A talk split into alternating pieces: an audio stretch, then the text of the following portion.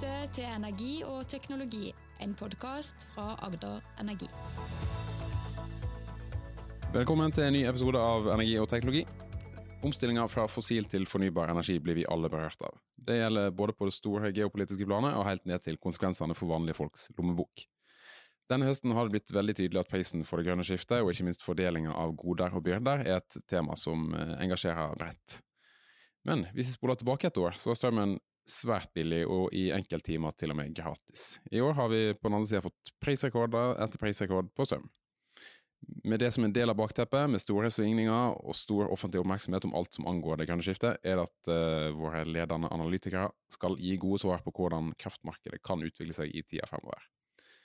Er det i det hele tatt mulig å si noe fornuftig om markedet fem eller ti eller 20 år fram i tid, når det endrer seg så enormt på bare ett år? Ja, det skal vi forsøke å belyse i denne utgava av uh, podkasten, og da har uh, jeg rett og slett invitert meg sjøl til Statkraft, der vi har med eh, Mari Vidal fra Statkraft og Anders Kringstad fra Statnett. Da kan dere få lov å presentere dere sjøl, egentlig. Ja, tusen takk for å bli invitert. Jeg heter Mari Vidal og har jobbet i Statkraft siden 2008. Og akkurat nå så leder jeg en enhet som jobber med analyse av globale energisystemer langsiktig fram mot 2050. Og har bl.a. ansvar for lavutslippsrapporten som ble lansert i går, som er en sånn årlig rapport vi gir ut eksternt.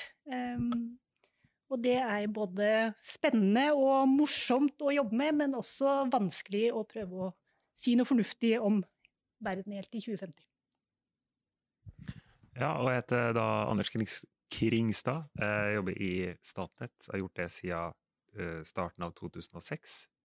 Så det blir jo over 15 år. Um, og da har jeg stort sett jobba med analyser av uh, kraftsystemet, av, kraftmarkedet.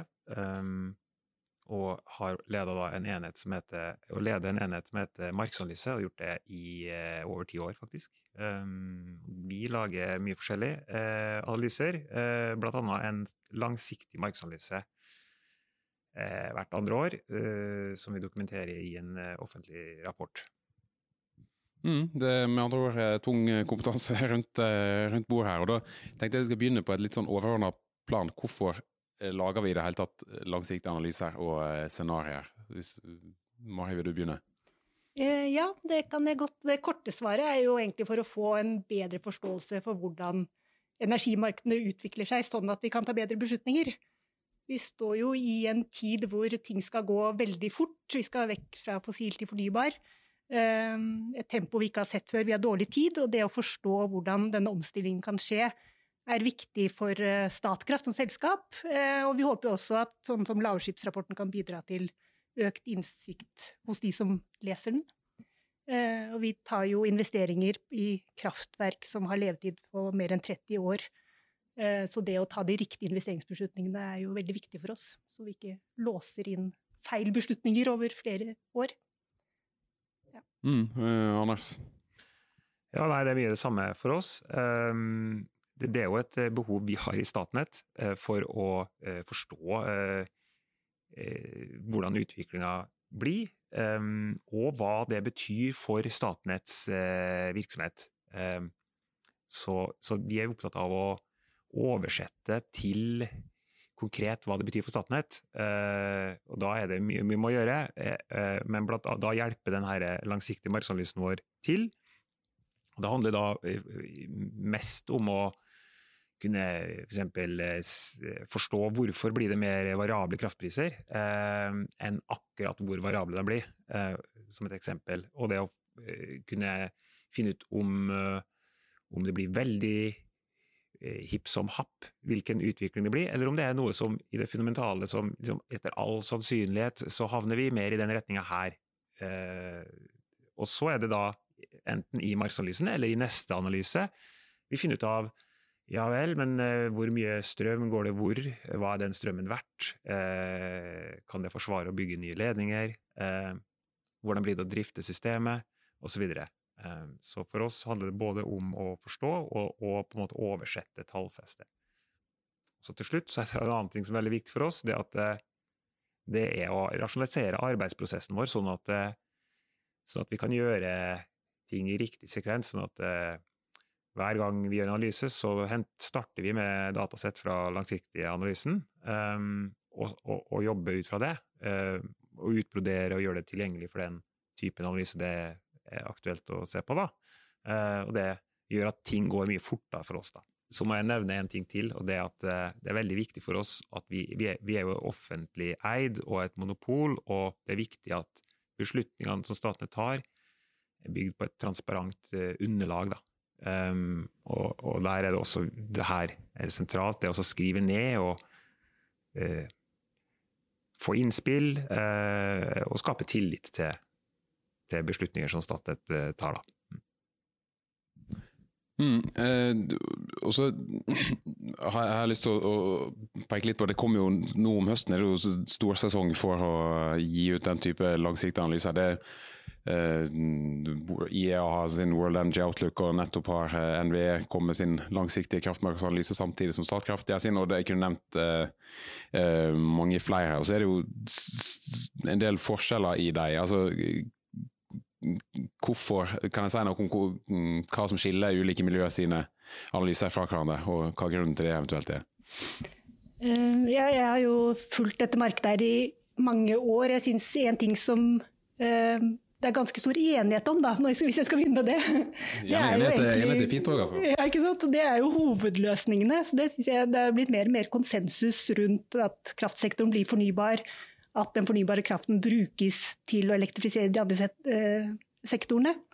Eh, og så er det jo uenighet kanskje primært om farten, hvor fort skal det gå, og også litt om løsningene, de siste 10 av utslippene. Hvilke løsninger er der? Eh, og så er det jo selvfølgelig ulike metoder og modeller som ligger til grunn. Ehm, så noen begynner jo med et mål og analyserer seg bakover. Hvis vi skal nå nullutslipp i 2050, hvordan blir eh, løsningene for å komme dit? Eh, sånn som IA eh, Net Zero-rapporten, og Bloomberg også. Noen bruker dagens politikk og sier hvordan ser verden ut hvis vi bare antar at den Eh, gå videre. Og noen er mer sånn, sånn som lavutslippsscenarioet er egentlig hva er det vi tror på? Hvordan kan verden se ut hvis de trendene vi ser i dag eh, vil fortsette? Sånn som DNV Energy Transition Outlook er jo sånn. Og så finnes det også analyser som går på spesielle regioner eller spesielle sektorer. Hvordan vil industrisektoren kuttes, f.eks. Um, ehm, ja. Mm. Uh, han har stitt seg på, på ulike metoder der, eller hva som skiller? Ja, det er jo, jeg er veldig enig i. Um, um, for 10-12 år siden så var det veldig vanlig å ha et uh, scenario som var sånn uh, business as usual, som det het. Det vil si kull og gass inn i evigheten. Og så var det kanskje et som hadde fornya atomkraft. Og så var det noen som hadde om ja, kanskje kunne bli ganske mye sol- og vindkraft. da. Mens nå opplever vi at det er veldig stor grad av konsensus, eh, og på en måte ikke noe så mye scenario om det. Eh, det er mer hva det betyr, uh, og da er det da forskjellige typer analyser skiller seg. Uh, for vår del så har ikke vi noe mål om å bli bedre enn Statkraft til å regne på hvordan ting henger sammen globalt. Da leser vi bare hva Statkraft og DNVG eller andre gjør, det, og det syns jeg også har blitt veldig bra de siste årene. at Eh, flere bidrar eh, til den offentlige samtalen om eh, hvor vi er på vei, og, så blir det mye enklere for den enkelte bedrift å, å gjøre sin analyse tilpassa sitt behov. Så for vår del så er det jo da ja, hvordan, hvor, hvordan, blir det med prisvolatiliteten, som vi sier? Altså, hvor mye vil den gå opp og ned? I hvilken grad Vi har bygd to kabler til utlandet. Det er i praksis i konkurranse med batterier i Tyskland eh, og hydrogenproduksjon. Eh, vi, vi, vi, kan bruke Statkrafts magasiner til å holde igjen eh, litt ekstra på dager med mye vindkraft i Europa, sant? og så kjøre på motsatt. Veldig gode eksempler på det nå for tida. Men, men, det kosta jo en del da, å bygge det her, og, og, da måtte vi jobbe mye med å forstå hvordan ville det konkurranseforholdet da, mellom fleksibilitet fra norsk vannkraft være mot uh, Eh, annen type eh, behov. Eh, jeg kan røpe med en gang at det er plass til begge. da. Men, så vi, vi, regner ikke på det lenger, men det er den typen som jeg syns skiller mye. Og så er det jo det du sier om hvor, hvor, fort tror vi det skjer, og om man er mer sånn rådgivende type analyse, eller mer sånn pristaker-type analyse. Altså, vi er små i den store verden, ønsker å forstå hva som skjer og ta gode beslutninger på det.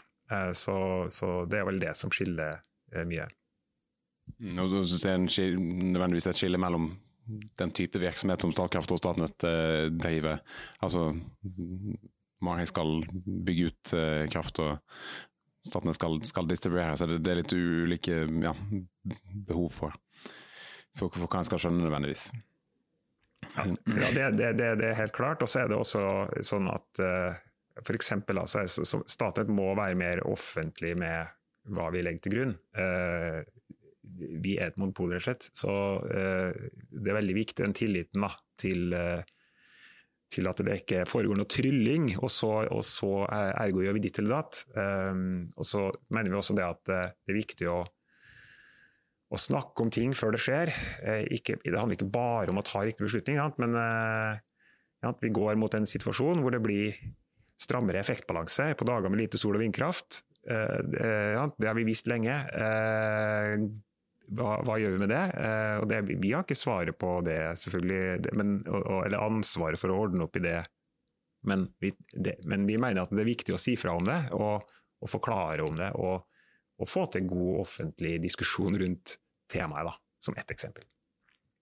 Uh, ja, og Da er du litt inne på det, det du snakka om så tidligere, om å peke ut retningen heller enn en, en å ha det endelige svaret, kanskje. Um, at en uh, ja, du, du, får opp debatten uh, om mm, noen av de temaene du har vært, uh, vært inne på. Marheim, for din del, er, jeg regner med at Statkraft òg bruker andre sine analyser og andre i arbeidet med, med utarbeidelsen av, av egne scenarioer? Ja, vi følger jo veldig nøye med på hva andre analysemiljøer gjør, og hva forskningen gjør, hva som kommer av nyheter på teknologi, politikk. Eh, alt for å øke forståelsen vår. for det er jo måte, Derfor vi gjør disse analysene, er jo for å få best mulig innsikt i både hva som mest sannsynlig skjer, men også utfallsrommet tenker jeg er like viktig. Eh, og hvor sånn følsomt de resultatene vi har er for ulike forutsetninger. Eh, så Det er spesielt viktig for oss å skjønne der vi avviker fra andre analyser, forstå hvorfor vi gjør det. Er det modellen som gjør det? Er det inputen, forutsetningene? Uh, ja. Mm, jeg la merke til i, i Statkrafts scenario, der er jo lista opp altså, En har en del parametere som en i, i et tillegg da, med uh, hva slags som ligger til grunn for, for deres analyse, kontra f.eks. Bloomberg eller, eller uh, IEA.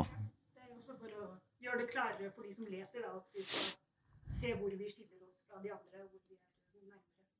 Mm, mm.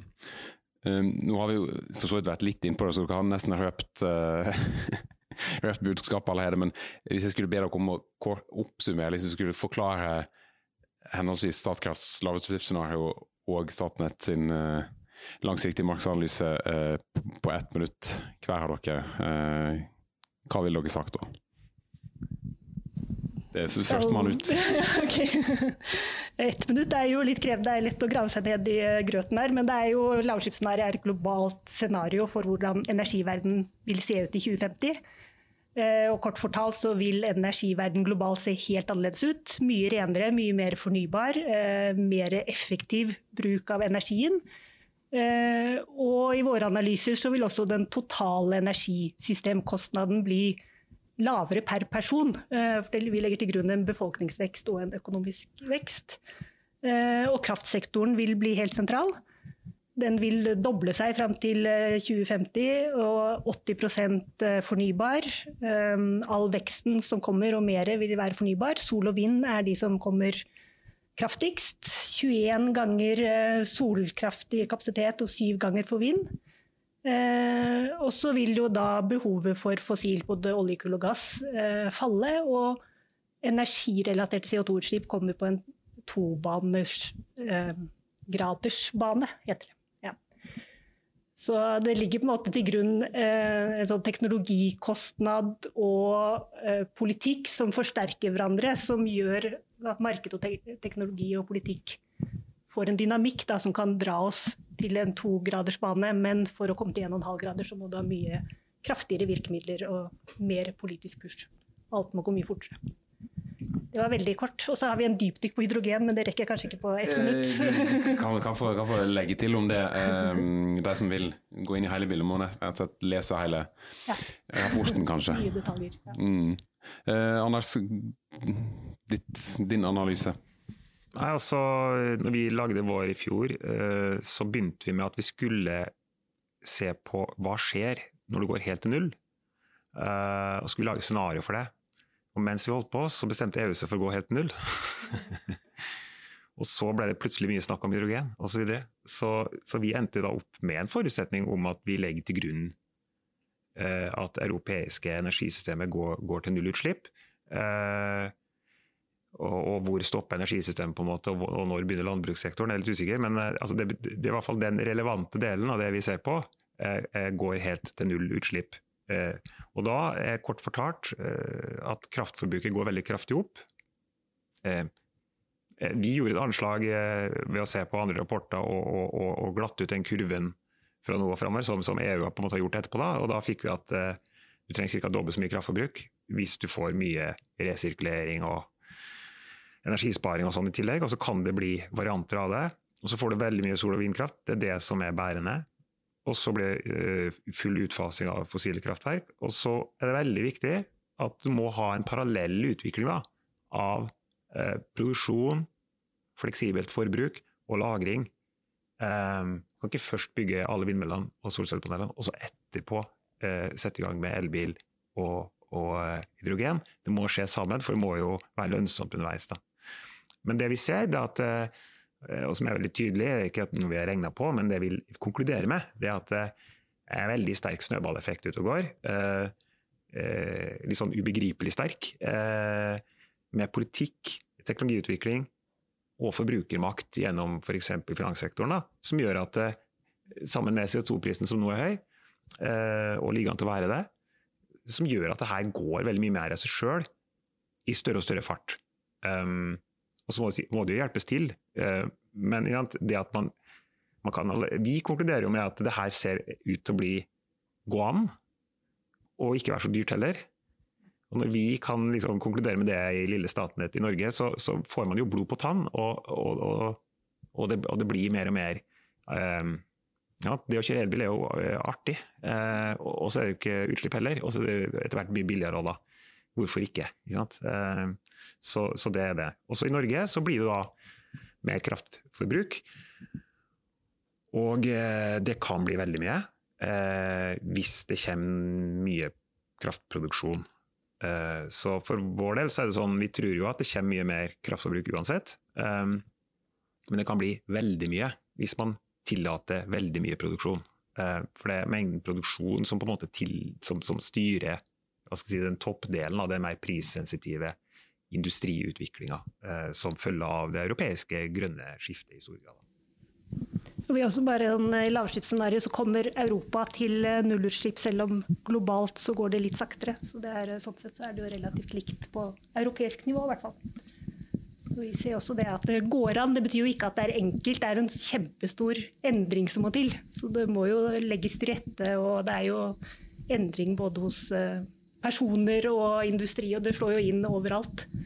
Um, men sånn eh, økonomisk og teknologisk så er det mulig. Og det er jo mye verre å ikke få det til. Det blir jo i hvert fall kostbart. Ja, og Da er nå litt inn på det med kostnader, som sier som at det, skal på den ene sida investeres veldig veldig store summer i fornybar produksjon distribusjon og, alt, men eh, kostnaden ved å ikke gjøre det er jo mm, ja, betydelig sånn rent økonomisk. så det det er jo et poeng. Eh, Anders, du vil legge til eh, en ting, tror jeg.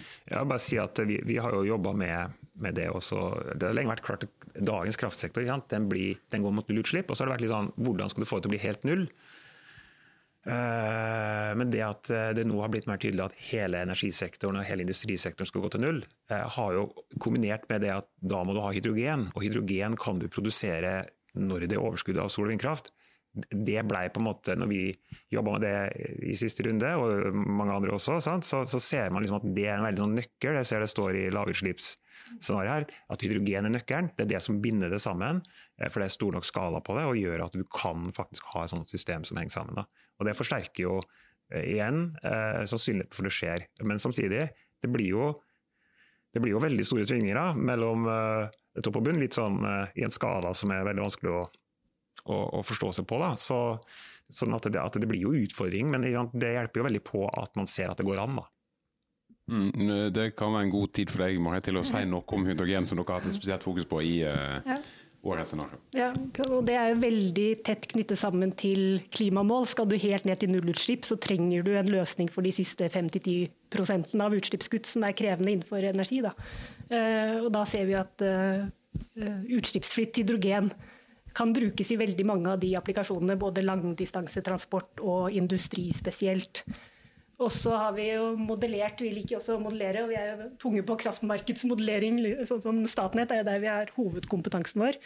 Eh, så når vi ser hvordan hydrogen og kraftmarkedet spiller sammen, så er jo det veldig spennende for oss analytikere og komplisert. Eh, og vi ser jo at det påvirker prisprofil, og spesielt hvis du får til sesonglager eh, i Europa så du kunne, kan du bruke den hydrogenen mye bedre da når det er mye sol og vind i systemet. Og da får du også lavere kostnader for grønt hydrogen. Eh, vi har, vært inne på at det, er en veldig tydelig utvikling i, en retning. Eh, og så kom som sagt Statnett sin langsiktige markedsanalyse kom i, i, fjor høst, og så gjorde dere en oppdatering av den i sommer, eller liksom et drøyt halvår etter på. Kan du si litt om, om, om uh, hvorfor det? Uh, det har noe med fart og, og utvikling i politikk å gjøre? Uh, ja. vi syns Eller ja. Den analysen vi gjorde i fjor, den står seg veldig veldig godt. vi gjør jo det her hvert andre år, sånn at, fordi vi, vi, må ha tid til å gjøre andre ting òg. og så er det fint å vente litt mellom hver gang, for da ser du nesten litt bedre hva som har skjedd siden sist. Eh, men av og til så må du gjøre en mellomjustering eh, for at det ikke skal bli eh, altfor upraktisk i de analysene vi gjør basert på, på de her datasettene som kommer ut av vår analyse. Og en faktor som vi har pekt på i alle år, som er ekstremt viktig for veldig masse av det vi driver med, og utvikling av kraftsystemet, det er jo den CO2-prisen. Og Det har jo vært et tiår med eh, veldig lav CO2-pris og, og liksom manglende trua på at det skal eh, fungere. Og så plutselig så, så spratt det opp til 30 euro, da, eh, og nå er den 60. Um, og, og, det var jo som følge av at den gikk så høyt, og på en måte det ble konsensus i rapporter vi leser om at eh, den kommer til å være så høy framover, eh, som gjorde at vi eh, gjorde en oppdatering, primært, eh, for den første perioden. Vi hadde et, to alternative scenarioer i analysen vår i fjor, der vi sier at det kan få en utvikling med høyere pris i starten, drevet av høy CO2-pris, som så gjør at du får en raskere overgang da, til det her kraftsystemet, som igjen da kan resultere i en nedgang på lengre sikt, rett og slett. Ehm, vi har iallfall vanskeligheter for å lage et høyt høyprisscenario som går hele veien i mål, eh, pga. den effekten, og da har vi også sagt det, da. Um, og så er det en årsak til det at vi har fått uh, ny leder i Statnett og kjørt en strategiprosess, og hadde også behov for å hva skal jeg si, bekrefte at uh, ja, det grønne skiftet er på vei, og analysen fra i fjor står så godt. Mm.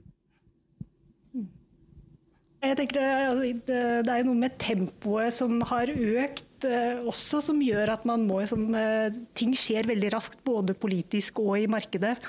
Um, som gjør at man hele tiden må oppdatere disse analysene. Så kanskje en ja, behov for økt oppdatering enn det det var for noen år siden. Men, men der kan jeg bare legge til at vi har jo, Fordi vi gjør det her hvert andre år, så, så, og, så vi jo, vi jo flere ganger lagt til grunn at at politisk endring skjer, eh, eh, lenge før det skjer. Eh, F.eks. var jeg veldig tidlig ute med å anta at tysk kullkraft kom til å bli lagt ned. Um, um, og det, det, Uten at det var i nærheten av å være politikk. Eh, så det er jo den der blandingen av top down og bottom up. Eh, men det må være begrunna, og man kan jo ikke være langt utafor konsensus heller eh på, på, den type spørsmål. Mm. Altså, det, det, handler mer om å få bekrefta det du allerede pekte på i, i, i, fjor, heller enn at det er en helt sånn radikalt nyutvikling, vil du si? Ja, absolutt. Og, og vi har jo eh, ekspertise også i Statnett på det å følge f.eks. Eh, politikkutforminga i EU. Og, og, det tar jo lang tid fra noe blir på en måte foreslått til det blir endelig vedtatt i forskriftsform. Og, og det gir jo en veldig klar indikasjon på hvor du er på vei. Eh, hvis det i tillegg lønner seg, og alle ønsker det, så, så, så er det enda mer tydelig. Men det er klart eh, nå er det, en ny diskusjon om eh, Fit for 55-pakken eh, i i rådet, Europarådet her. Sånn at det går jo det er jo litt sånn opp og ned, men hovedretningen er som sagt veldig, veldig tydelig. Det er veldig imponerende synes jeg, hvordan EU har klart å være så frampå på klima- og energipolitikken lenge og klarer å få konsensus mellom 27 land på en såpass ambisiøs politikk. Mm. Og, ja, og nå, nå tror jeg egentlig alle aktørene som er relevante for, for markedet på at det, det, kommer til å bare fortsette å bli strammere, og at det er det som driver litt av, av uh, dynamikken, hvis jeg skjønner dere riktig. Ja, ikke sant? Det er jo det at dessverre konsekvensene av klimaendring er jo også kommet tydeligere og tydeligere. og Man skjønner enda mer konsekvensen av å komme til en tograd i forhold til en nullutslippsbane. Så det at folk kjenner mer på kroppen at det haster, det gjør også at politikerne eh, kan ta mer ambisiøse beslutninger. Da. da har de befolkningen med seg. Mm. Eh, og så kommer du inn på liksom dagens eh, situasjon, eh, der liksom, ja, strømprisene er veldig veldig eh, høye i Europa og høye i Norge. Og det er ja, også enkelttimer som er veldig veldig billige igjen. altså Stor volatilitet som har vært eh, innpå. inn på. Hvordan preger den type utvikling? Altså, hvordan tar dere hensyn til eh, en sånn utvikling når dere jobber med analyser? Eh, eh på kortsiktige analyser så er det jo veldig viktig. Mm. Eh, på langsiktige så, så, kan det ha mer sånn indirekte effekt, f.eks. at eh, EU eh, blir mer ivrig på å bli mindre avhengig av eh, import av gass fra f.eks. Russland. eller bli ser enda tydeligere at eh, ja, det, er bra å bygge ut fornybar. Um, men den situasjonen vi har akkurat nå, den vil vi eh, aldri få igjen. det, så det, gir, det, gir, veldig inntjening på, på mellomlandsforbindelser, og, og, og det, gir store omfordelingseffekter.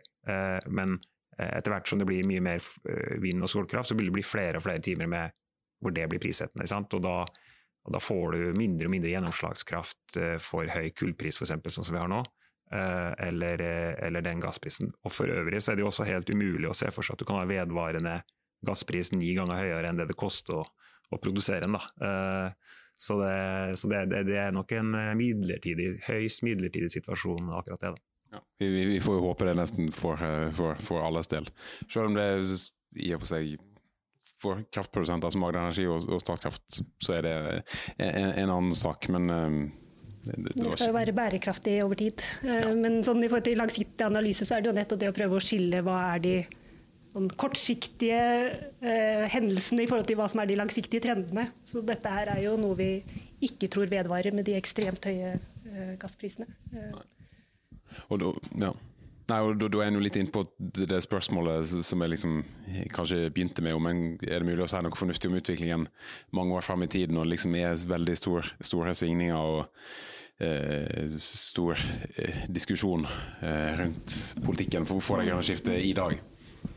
Ja, man klarer jo ikke å fange opp svingningene, og det er heller ikke meningen med disse langsiktige analysene. Det er jo å gi noe eh, rundt trendene. Eh, og det er jo ikke ikke altså man, Vi forventer vel ikke at man treffer på pris, men at du kan gi en innsikt og en sånn forståelse for hvordan retningen kan være. Da.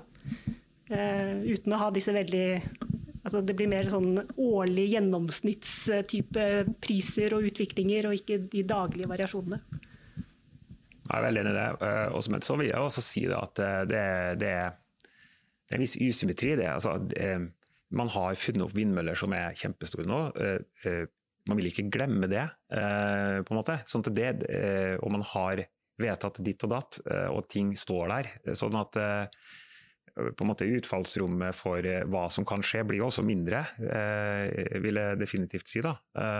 Så, så det er det ene. Det andre er at, den, at i dag så er det sånn at eh, prisen på vannet i lagre Statkraft sine magasiner er jo rett og slett avhengig av eh, konjunktur i Kina og den slags. Eh, men etter hvert som det blir mer og mer sol- og vindkraft, eh, så vil det jo være teknologikostnaden som, som styrer mye, mye mer. og da blir det jo rett og slett mindre avhengig av globale konjunkturer og, og mer mer, mer, til å stole på, da, eller hva skal vi kalle det? Uh, mer, mer, mer, stabilt? Det, det, er bra. Det, det syns jeg kan, kan være en, en gode avsluttende ord for, for, for, den, for den, diskusjonen. Jeg kan bare få si til den interesserte lytter, så kan jeg jo minne om at vi hadde òg en diskusjon om langsiktige markedsanalyser tidligere i, i, i fjor høst med, eh, med NVE og, og vår egen analysesjef eh, Lars Eik Omland, så den kan jo en gå tilbake og se hvordan spådommene fra, fra da uh, står seg. Men um, utover det så skal jeg bare takke Anders Kringstad og uh, Vidal for at de var med i uh, podkasten. Og minne om at en kan abonnere og lytte til podkasten i alle vanlige podkastspillere. Og hvis en har tilbakemeldinger eller spørsmål til oss, så kan jeg sende det på e-post podkast1ae.no. Takk for i dag.